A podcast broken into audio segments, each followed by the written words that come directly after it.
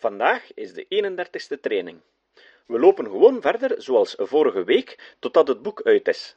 Vandaag beluisteren we de rest van hoofdstuk 12. Ik ga alleen nog onderbreken als we halfweg zijn en je moet terugkeren. Je weet nu ook dat je drie keer per week moet lopen. Ik zal je dus niet meer vertellen wanneer ik je opnieuw verwacht. Dus vandaag 36 minuten lopen. De Falklandseilanden, die door op een wolf gelijkende vos bewoond worden, schijnen een uitzondering te zijn. Doch die eilandengroep kan niet als een eilandgroep des oceaans beschouwd worden, wijl ze op een bank ligt die met het vasteland verenigd is. Bovendien, voorheen werden er zwerfblokken door middel van ijsbergen gebracht op de westelijke kusten, en diezelfde ijsbergen kunnen gemakkelijk tevens vossen meegevoerd hebben, gelijk zulks nog tegenwoordig zo dikwijls in het noorden der aarde geschiet.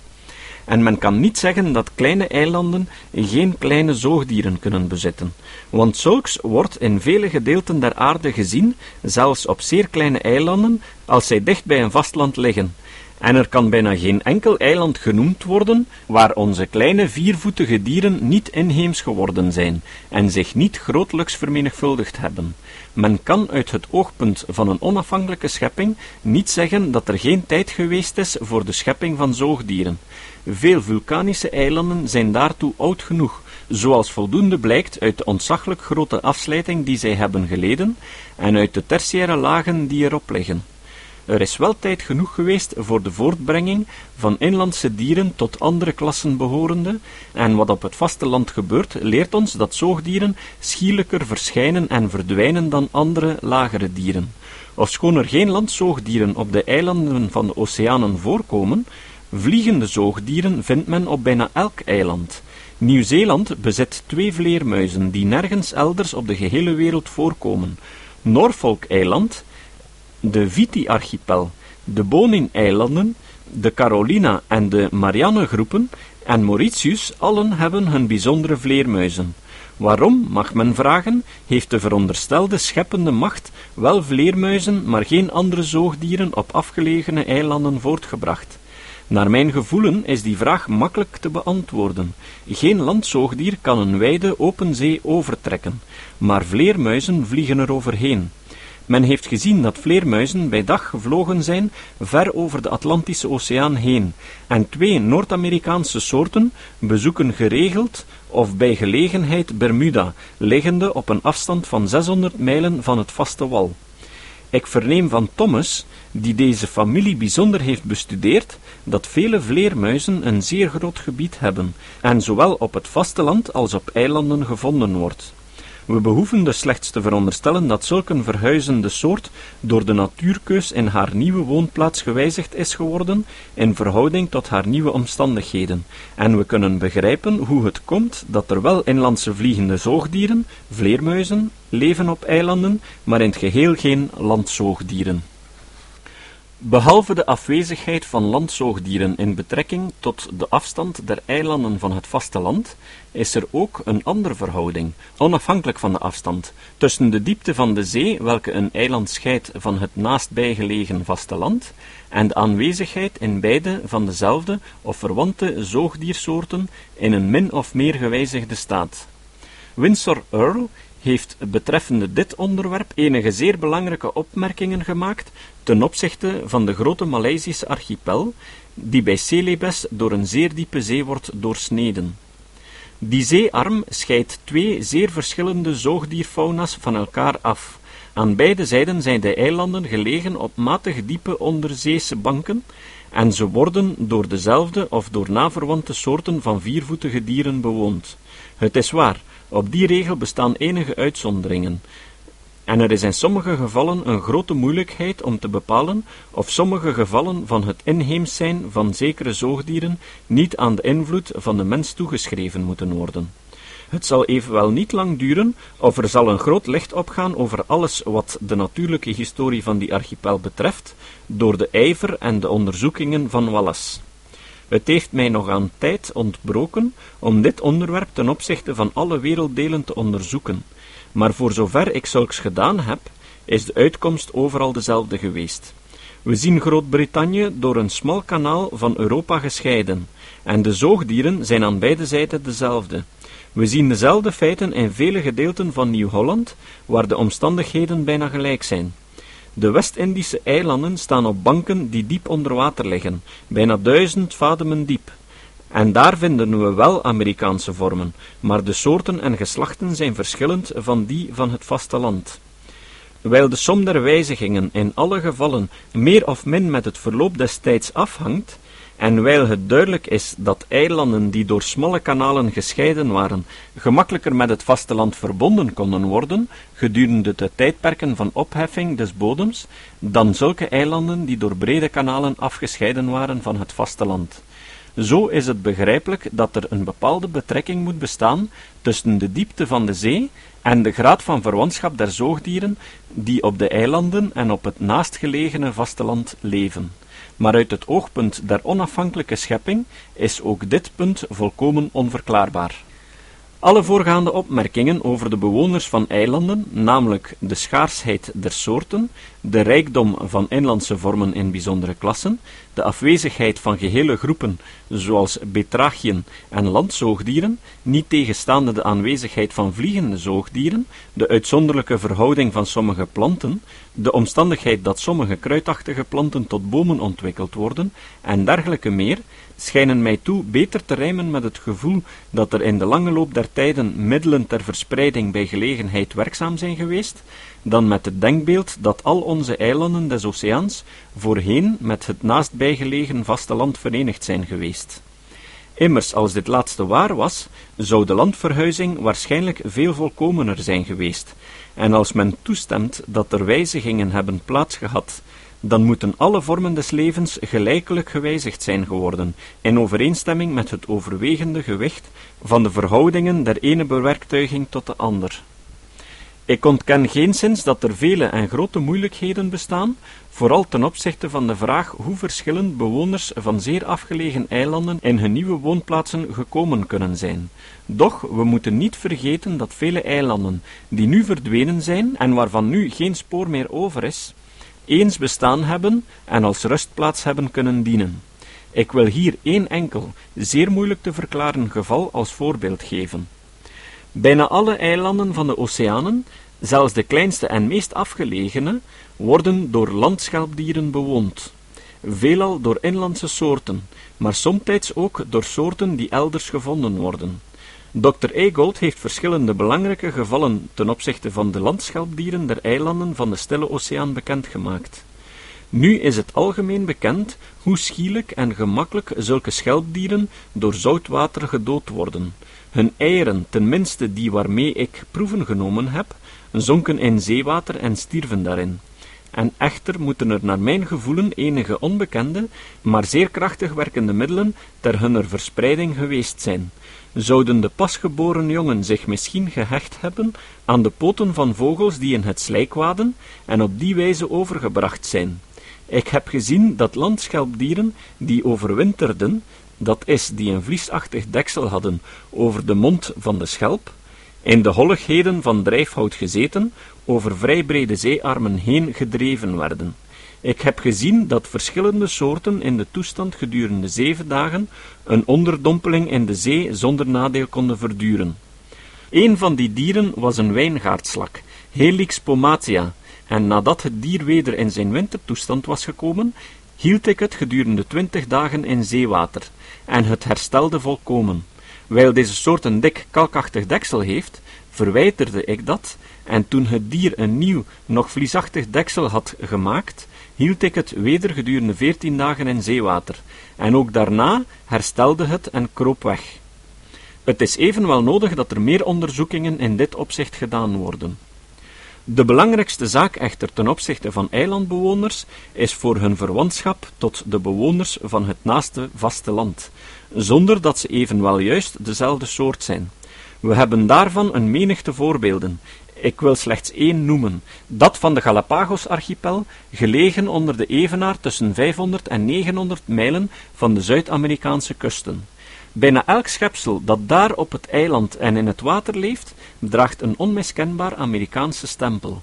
Er zijn daar 26 landvogels, en 25 daarvan worden door Gold beschouwd als verschillende soorten die verondersteld worden daar geschapen te zijn. Echter is de grote verwantschap van de meeste van deze vogels tot de Amerikaanse soorten in elk opzicht duidelijk zichtbaar, in hun gewoonten, gedragingen, stem en dergelijke. Datzelfde is ook het geval met de andere dieren en met bijna alle planten, gelijk door Dr. Hoeker bewezen is in zijn flora van die archipel. De natuurkundige, die de bewoners van deze vulkanische eilanden in de Stille Zee, verscheidene honderden mijlen van het vasteland gelegen, beschouwt, wordt duidelijk gewaar dat hij op Amerikaanse bodem staat. Hoe komt dat en waarom? Waarom zouden de soorten die verondersteld worden op de Galapagos-eilanden en nergens elders geschapen te zijn, zo duidelijk het merk vertonen van die welke in Amerika zijn geschapen? Er is niets in de levensvoorwaarden, in de geologische natuur der eilanden, in hun hoogteligging, in hun klimaat of in de verschillende klassen der dieren tot elkander, wat enigszins op dat alles van de Zuid-Amerikaanse kust gelijkt. Nee, integendeel is er een zeer grote ongelijkheid in al die opzichten. En aan de andere kant, er is een overgrote gelijkheid in de vulkanische aard des bodems, in het klimaat, de hoogte, de gedaante dier eilanden van de Galapagos-archipel en dat alles van de Kaapverdische-eilanden. Maar hoe groot is het verschil tussen beide bewoners in alle opzichten? De bewoners der Kaapverdische eilanden zijn verwant aan die van Afrika, gelijk die van de Galapagos aan de Amerikaanse. Ik geloof dat dit feit niet verklaard kan worden uit het oogpunt van een onafhankelijke schepping, maar uit het oogpunt van een afstamming met wijziging is zulke verklaring niet moeilijk, want het is duidelijk dat de Galapagos-eilanden geschikt zijn geweest om landverhuizers uit Amerika te ontvangen, het zij door toevallige middelen van vervoer, het zij doordat zij vroeger met het vasteland verenigd waren en dat de Kaapverdische eilanden even geschikt waren om landverhuizers uit Afrika te bekomen, en dat zulke volkplanters op beide geschikt waren om gewijzigd te worden. Door de erfelijkheid vertonen zij nog de kenmerken van de soorten die in hun moederland leven. Zulke voorbeelden zijn er in de menigte te geven. Waarlijk, het is een algemene regel dat de inlandse eilandbewoners verwant zijn aan die van het naastbijgelegene vasteland of van de dichtstbijgelegene grote eilanden. De uitzonderingen zijn weinig in getal, en de meesten kunnen verklaard worden. Zo zijn de planten van Kerguelenland, of schoon dichter bij Afrika dan bij Amerika gelegen, verwant en wel zeer na aan die van Amerika, volgens dokter Hoeker. Doch gezien uit het oogpunt dat dit eiland zijn planten gekregen heeft door zaden met aarde en stenen op ijsbergen aangebracht, die door zeestormen in de richting van Amerika naar Kerguelenland dreven, verdwijnt deze onregelmatigheid. Nieuw-Zeeland is door zijn inlandse planten veel meer aan Nieuw-Holland, het naastbijgelegen vasteland, verwant dan aan enig andere landstreek. En dit was wel vooruit te verwachten, maar Nieuw-Zeeland is ook zeer na verwant aan Zuid-Amerika, het welk, ofschoon op één na het naastbijgelegene vasteland, er echter zo ver afgelegen is, dat dit feit een uitzondering op de regel wordt. Doch dit bezwaar verdwijnt bijna geheel als we aannemen dat zowel Nieuw-Zeeland als Zuid-Amerika en andere zuidelijke landen lange tijd gelegen gedeeltelijk hun planten verkregen hebben uit een ongeveer tussenin gelegen of schoon verwijderd punt, namelijk uit de Zuidpooleilanden, toen zij met planten waren bedekt, voor het begin van de ijstijd. De verwantschap die, hoewel zwak, toch volgens Dr. Hoeker wezenlijk bestaat tussen de flora van de zuidwestelijke punten van Nieuw-Holland en van de Kaap de Goede Hoop, is een veel merkwaardiger geval, en is tot op heden onverklaarbaar. Doch die verwantschap bepaalt zich slechts tot de planten alleen en zal eenmaal ongetwijfeld verklaard worden. Soms zien we dat de wet ten gevolge daarvan bewoners van een archipel, of schoon soortelijk verschillend, toch naverwant zijn aan die van het naaste vasteland, weliswaar op een kleine, maar toch op een zeer belangwekkende wijze binnen de grenzen van dezelfde archipel wordt opgevolgd. Zo worden de verschillende eilanden van de Galapagosgroep bewoond, gelijk ik elders heb aangetoond, door een zeer nauw verwante soort, en wel zo dat de bewoners van elk afzonderlijk eiland, of schoon onderling zeer onderscheiden, echter veel nader aan elkander zijn verwant dan aan de bewoners van enig ander gedeelte van de wereld. En dit is het juist wat volgens mijn leer te verwachten was, want de eilanden zijn zo dicht bij elkander gelegen, dat ze bijna onfeilbaar volksplanters moeten verkrijgen uit hetzelfde moederland ofwel van elkander. Maar die ongelijkheid tussen de inheemse bewoners der eilanden kan als een tegenwerping tegen mijn leer gebruikt worden, want men zou kunnen vragen hoe het mogelijk geweest was dat op eilanden die dicht bij elkaar liggen, die dezelfde geologische gesteldheid, dezelfde hoogte, hetzelfde klimaat bezitten, de nakomelingen, ofschoon in geringe mate, toch gewijzigd geworden waren. Lang heeft mij dit een grote zwarigheid toegeschenen, maar het is een gevolg van de diep ingewortelde dwaling dat men de fysische toestand van een landstreek als de belangrijkste voorwaarden voor het leven van zijn bewoners beschouwt. Me dunkt, er is geen twijfel aan of de natuur van andere bewoners, waarmee elk wezen heeft mede te dingen, is ten minste even belangrijk en veelal zelfs veel belangrijker. Zien we nu naar die bewoners van de Galapagos-eilanden, welke ook in andere gedeelten van de wereld gevonden worden, de inheemse soorten nemen we hier voor het ogenblik niet in aanmerking, dan vinden we een groot verschil in de onderscheidene eilanden. Ook mogen we dat verschil verwachten als we aannemen dat de eilanden door toevallige middelen der verspreiding zijn bevolkt geworden. Een zaadkorrel van een plant is op het ene eiland gebracht geworden en een zaadkorrel van een andere plant op een ander eiland. Derhalve, toen in vorige tijden een landverhuizer zich op één of op verscheidene eilanden vestigde, of zich vervolgens van het ene eiland naar het andere verplaatste, werd hij onfeilbaar blootgesteld aan verschillende levensvoorwaarden op de verschillende eilanden, want hij moest strijden tegen verschillende wezens. Een plant zal de meest voor haar geschikte grond in onderscheiden mate door andere planten bezet gevonden hebben, en zal blootgesteld geweest zijn aan de aanvallen van onderscheiden vijanden. Als ze daardoor veranderde, zal de natuurkeus waarschijnlijk het ontstaan van verschillende rassen op de onderscheidene eilanden begunstigd hebben. Enige soorten evenwel zullen zich verspreid en echter over de gehele groep haar bijzondere karakter bewaard hebben, zoals we ook zien dat sommige soorten zich ver over de vaste landen verspreiden en toch dezelfde blijven. Het vreemde feit dat op de Galapagos waar te nemen is, bestaat hierin dat de nieuwe soorten die op afzonderlijke eilanden gevormd zijn, zich niet schielijk over de andere eilanden verspreid hebben.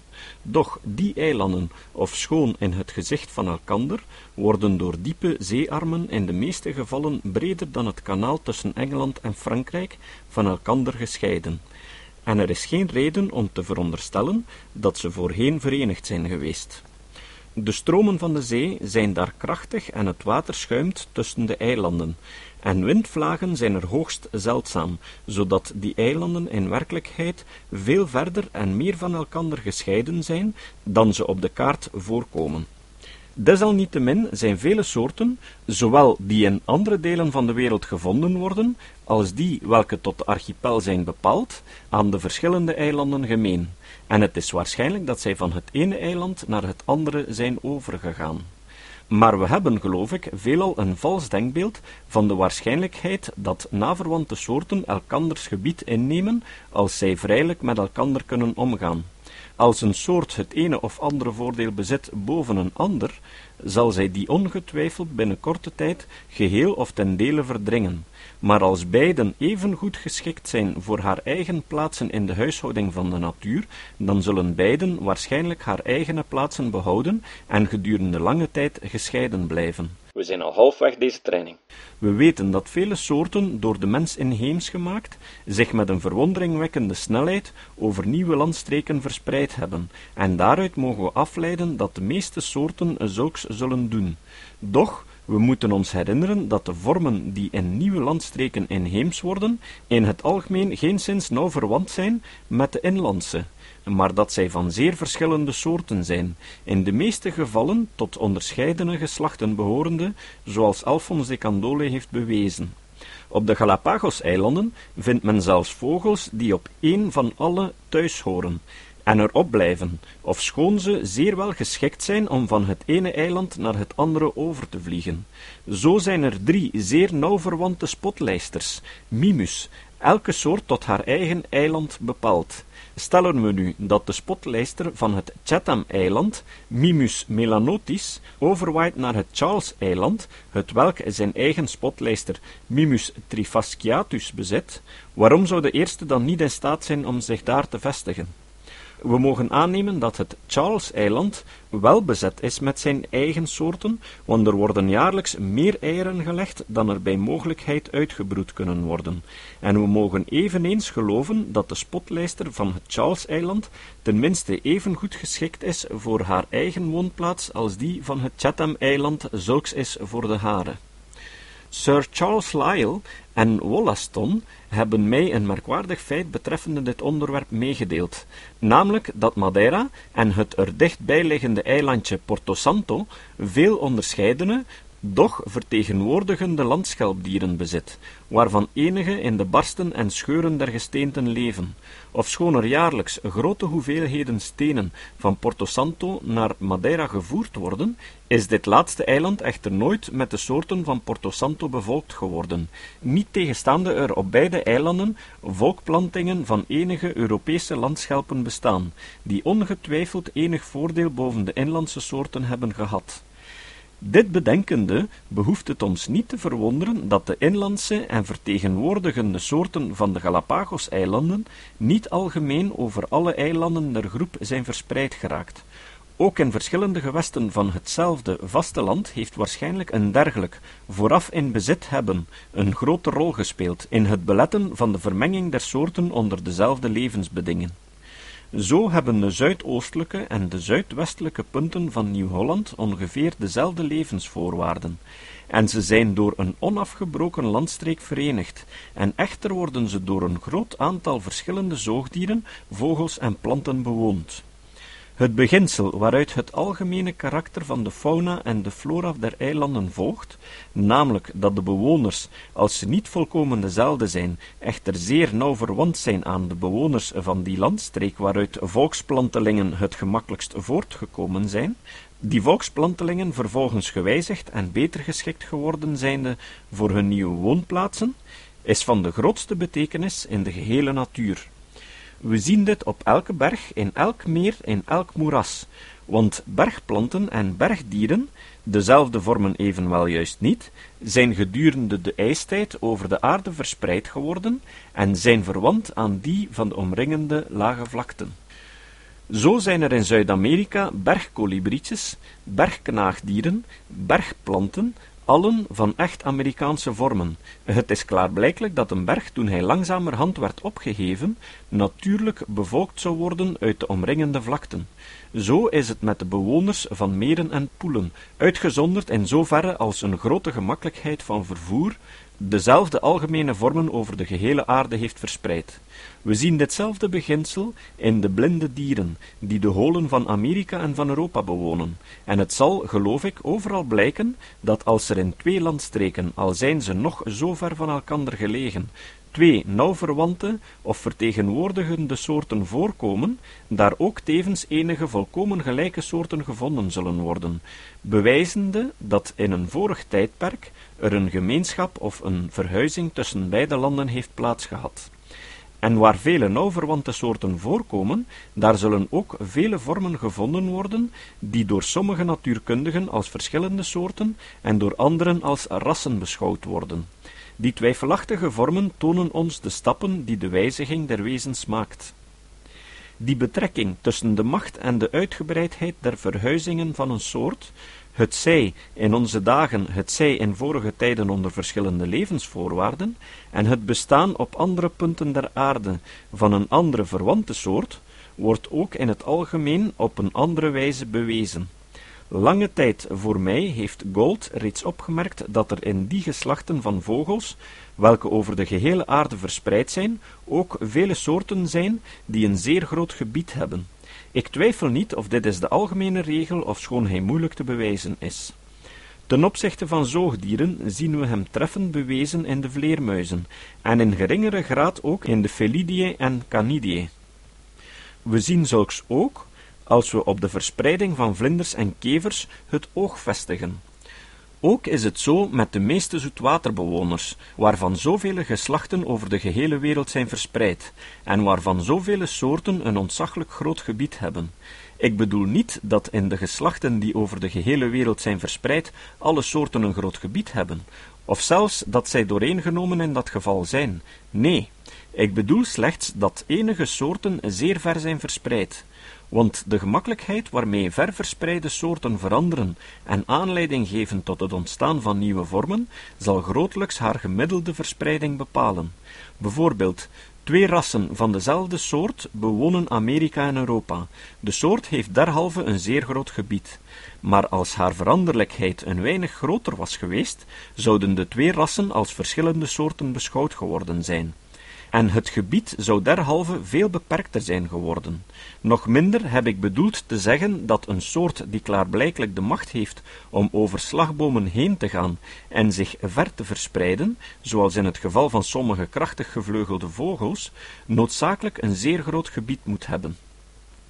Geenszins, we moeten niet vergeten dat er om een groot gebied te hebben niet slechts de macht om slagbomen over te trekken gevorderd wordt, maar ook de veel gewichtiger eigenschap om overwinnaar te kunnen blijven in de levensstrijd in een verwijderd land en met vreemde wezens.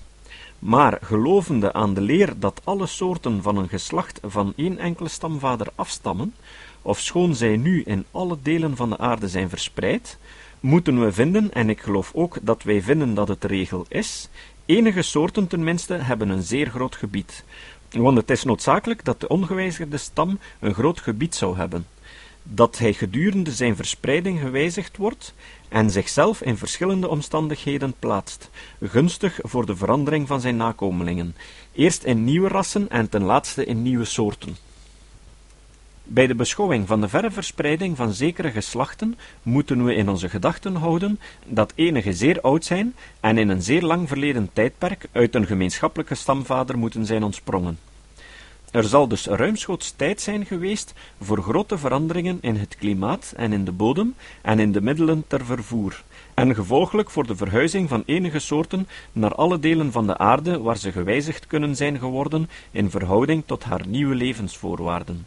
Ook is er, volgens geologische feiten, enige reden om te geloven dat de laagste wezens van elke klasse in het algemeen langzamer veranderen dan de hogere vormen. Gevolglijk zullen de lagere een betere kans gehad hebben om ver verspreid te worden en nochtans hunzelfde soort kenmerken te behouden. Dit feit, gepaard met de omstandigheid dat de zaden en eieren van vele lage vormen zeer klein zijn en zeer geschikt om ver vervoerd te worden, pleit zeer voor een wet die reeds lang bekend is, maar het laatst door Alphonse de Candolle ten opzichte van de planten treffend verdedigd is, namelijk deze, dat hoe lager een groep van bewerktuigde wezens staat op de ladder der natuur, des te beter is ze geschikt om zich ver te verspreiden. Al deze dingen nu, namelijk lage en langzaam veranderende vormen, zijn het verst verspreid. Sommige soorten van ver verspreide geslachten zijn eveneens ver verspreid. Berg-, meer- en moerasbewoners zijn, met de bovenvermelde uitzonderingen, verwant aan die met het omringende lage of droge land, ofschoon die woonplaatsen zo hoogst verschillend zijn. De zeer nauwe betrekkingen onderling van de soorten die de eilanden van dezelfde archipel bewonen, bovenal de zeer grote verwantschap van de bewoners van elk archipel of van elk eiland tot die van het vasteland, al die dingen zijn, dunkt me, zeer onverklaarbaar uit het oogpunt van de gewone leer dat elke soort afzonderlijk is geschapen, maar zijn zeer gemakkelijk te verklaren uit het oogpunt dat de soorten ontstaan zijn uit een algemene stamvader, dat zij verhuisd zijn en vervolgens gewijzigd geworden en beter geschikt gemaakt voor haar nieuwe woonplaatsen. Overzicht van het voorgaande en van dit hoofdstuk. In deze beide hoofdstukken heb ik getracht te bewijzen dat er geen zwarigheid bestaat om te geloven dat alle individuen van een soort, waar ze zich ook bevinden, afkomstig zijn van dezelfde stamouders. Het is waar, om dat geloof te verkrijgen, moeten we nooit vergeten hoe weinig we weten van de uitwerkselen van de veranderingen van het klimaat en van de hoogteligging van de bodem boven het waterpas van de zee, die voorzeker in de loop der tijden gebeurd zijn. We moeten ons herinneren hoe weinig we weten van de vele en zeer bijzondere middelen van vervoer die bij gelegenheid in werking zijn geweest. Een onderwerp het welk nog bijna in het geheel niet is bestudeerd.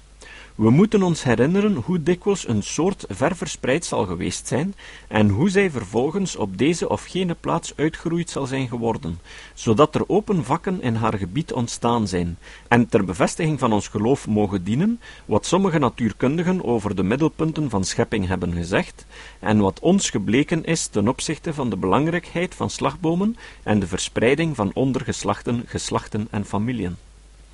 Ook ten opzichte van de soorten van hetzelfde geslacht, die volgens mijn leer ver weg getrokken zijn uit haar geboorteplaats, dunkt mij niet dat de zwarigheden onoverkomelijk zijn. Als we in acht nemen hoeveel we niet weten en hoe langzaam enige vormen des levens veranderen, en dat er tijd genoeg geweest is voor hun verhuizing. Het is waar, die zwarigheden zijn in dit en vele andere gevallen somtijds zeer groot. Ten bewijze wat een verandering van het klimaat kan doen, heb ik getracht te betogen hoe groot de invloed van de ijstijd is geweest, die ik stellig geloof dat, zo niet over de gehele aarde, dan toch tenminste in verreweg het grootste middenste gedeelte heeft beheerst. En om te bewijzen hoe verschillend de middelen van vervoer zijn geweest, die bij gelegenheid een rol gespeeld hebben, heb ik de middelen ter verspreiding van zoetwaterbewoners enigszins uitvoerig behandeld. Indien de bezwaren om aan te nemen dat in de lange loop des tijds de individuen van dezelfde soorten en ook van verwante soorten uit één bron zijn ontstaan, niet onoverkomelijk zijn, dan dunkt mij zijn alle grote hoofdfeiten der verspreiding over de aarde verklaarbaar uit het oogpunt dat er een verhuizing, vooral van de heersende vormen, heeft plaatsgehad, gepaard met opvolgende wijzigingen en de vermenigvuldiging der nieuwe vormen. Zo begrijpen we ook het hoge belang van slagbomen, het zij van land of van water, die onze zoologische en botanische gewesten van elkander scheiden. We kunnen zo het plaatselijke voorkomen van ondergeslachten, geslachten en familien verklaren, en ook hoe het komt dat op verschillende aardbreedten, bijvoorbeeld in Zuid-Amerika, de bewoners van de vlakten en der bergen, van de bossen, moerassen en woestijnen, zo wonderbaar verwant aan elkander zijn en ook eveneens verbonden zijn met de uitgestorven soorten die voorheen hetzelfde vasteland bewoond hebben. Als we ons herinneren hoe de wederzijdse betrekkingen van het ene bewerktuigde wezen tot het andere de belangrijkste verhouding van allen is, dan kunnen we begrijpen waarom twee gewesten, die bijna gelijke fysische levensvoorwaarden hebben, dikwijls door zeer verschillende vormen bewoond worden. Immers, in verband met de lengte des tijds die verlopen is sedert er nieuwe bewoners in een gewest aankwamen, in verband met de aard van de reisweg, die enige vormen wel en andere niet veroorloofde in zeker gewest aan te komen, in verband met de omstandigheid of die welke aankwamen al of niet moesten mededingen en strijden tegen elkander en tegen de inboorlingen, in verband met de meerdere of mindere vatbaarheid der landverhuizers om gewijzigd te worden, in verband met dat alles is het klaarblijkelijk dat er een eindeloze werking en terugwerking moet zijn geweest. Daarom moeten we vinden, en werkelijk vinden we ook, dat sommige groepen van wezens zeer veel en anderen slechts zeer weinig gewijzigd zijn, dat sommigen zeer talrijk geworden zijn en dat anderen slechts in een klein getal bestaan. Om dezelfde redenen kunnen we dan ook begrijpen waarom, gelijk ik getracht heb te betogen, de eilanden van de oceanen slechts weinig bewoners hebben, maar waarom vele daarvan inheems of aan die eilanden bijzonder eigen zijn. Verder ook waarom, in verband met de middelen van vervoer, de ene groep van wezens zelfs in dezelfde klasse soorten heeft, die allen inheems zijn, terwijl een andere groep soorten heeft, die allen aan andere werelddelen gemeen zijn. Ook kunnen we begrijpen waarom gehele groepen zoals betrachien en landzoogdieren niet op eilanden voorkomen, terwijl zelfs de afgelegenste eilanden hun bijzondere soorten van vliegende zoogdieren, vleermuizen, bezitten. We kunnen begrijpen waarom er enige betrekking bestaat tussen de aanwezigheid van zoogdieren en de diepte van de zee tussen een eiland en het vasteland. We kunnen begrijpen waarom alle bewoners van een archipel, hoewel soortelijk verschillend op de onderscheidene eilanden, nauw verwant zijn aan elkaar, en ook, maar minder nauw, aan die van het naaste vasteland of van een andere bron waaruit de landverhuizers waarschijnlijk ontsprongen zijn. We kunnen begrijpen waarom er binnen twee omtrekken, hoe ver ook van elkander gelegen, een wederkerige verhouding moet bestaan in de aanwezigheid van dezelfde of gelijke soorten van rassen, van twijfelachtige en van verschillende maar vertegenwoordigende soorten. Edward Forbes beweerde dat er een treffende overeenkomst bestaat in de wetten van het leven door tijd en ruimte. Dat is, de wetten die de opvolging van de vormen in de vorige tijdperken regelden, waren bijna volkomen dezelfde als die welke in de tegenwoordige tijd de verschillende in onderscheidene gewesten beheersen. Dat blijkt door vele feiten. De duur van elke soort en van elke groep van soorten is onafgebroken, want de uitzonderingen op die regel zijn zo weinig dat ze veilig geweten mogen worden aan de omstandigheden dat wij nog niet in een tussenlaag de vormen ontdekt hebben die ons ontbreken, maar die wel in de boven- en benedenliggende lagen voorkomen. Zo ook in de ruimte, de omtrek waarin één soort of één groep van soorten woont, is onafgebroken. De uitzonderingen, die niet zeldzaam zijn, mogen, gelijk ik getracht heb te bewijzen, daaraan geweten worden dat er een verhuizing der soorten in vorige tijdperken is gebeurd, en dat de soorten die sommige plekken bewoonden uitgestorven zijn, zodat er opene tussenvlakten ontstonden. Beide in tijd en in ruimte bereiken soorten en groepen van soorten hun toppunt van ontwikkeling. Groepen van soorten, behorende of tot zekere tijdvak, of tot zekere omtrek, worden somtijds door zeer onbeduidende kenmerken gekenschetst, zoals door het uitzicht of door de kleur. Als we de lange rij van verlopene tijdperken beschouwen, en ook als we het oog vestigen op verschillende gewesten der aarde, dan zien we dat sommige schepselen zeer weinig verschillen, terwijl andere tot een verschillende klasse of tot een verschillende orde, of zelfs slechts tot één verschillende familie van dezelfde klasse behorende, grotelijks van elkander onderscheiden zijn. Beide, in tijd en in ruimte, veranderen de lagere leden van een klasse in het algemeen minder dan de hogere, doch in beide gevallen zijn er uitzonderingen op die regel.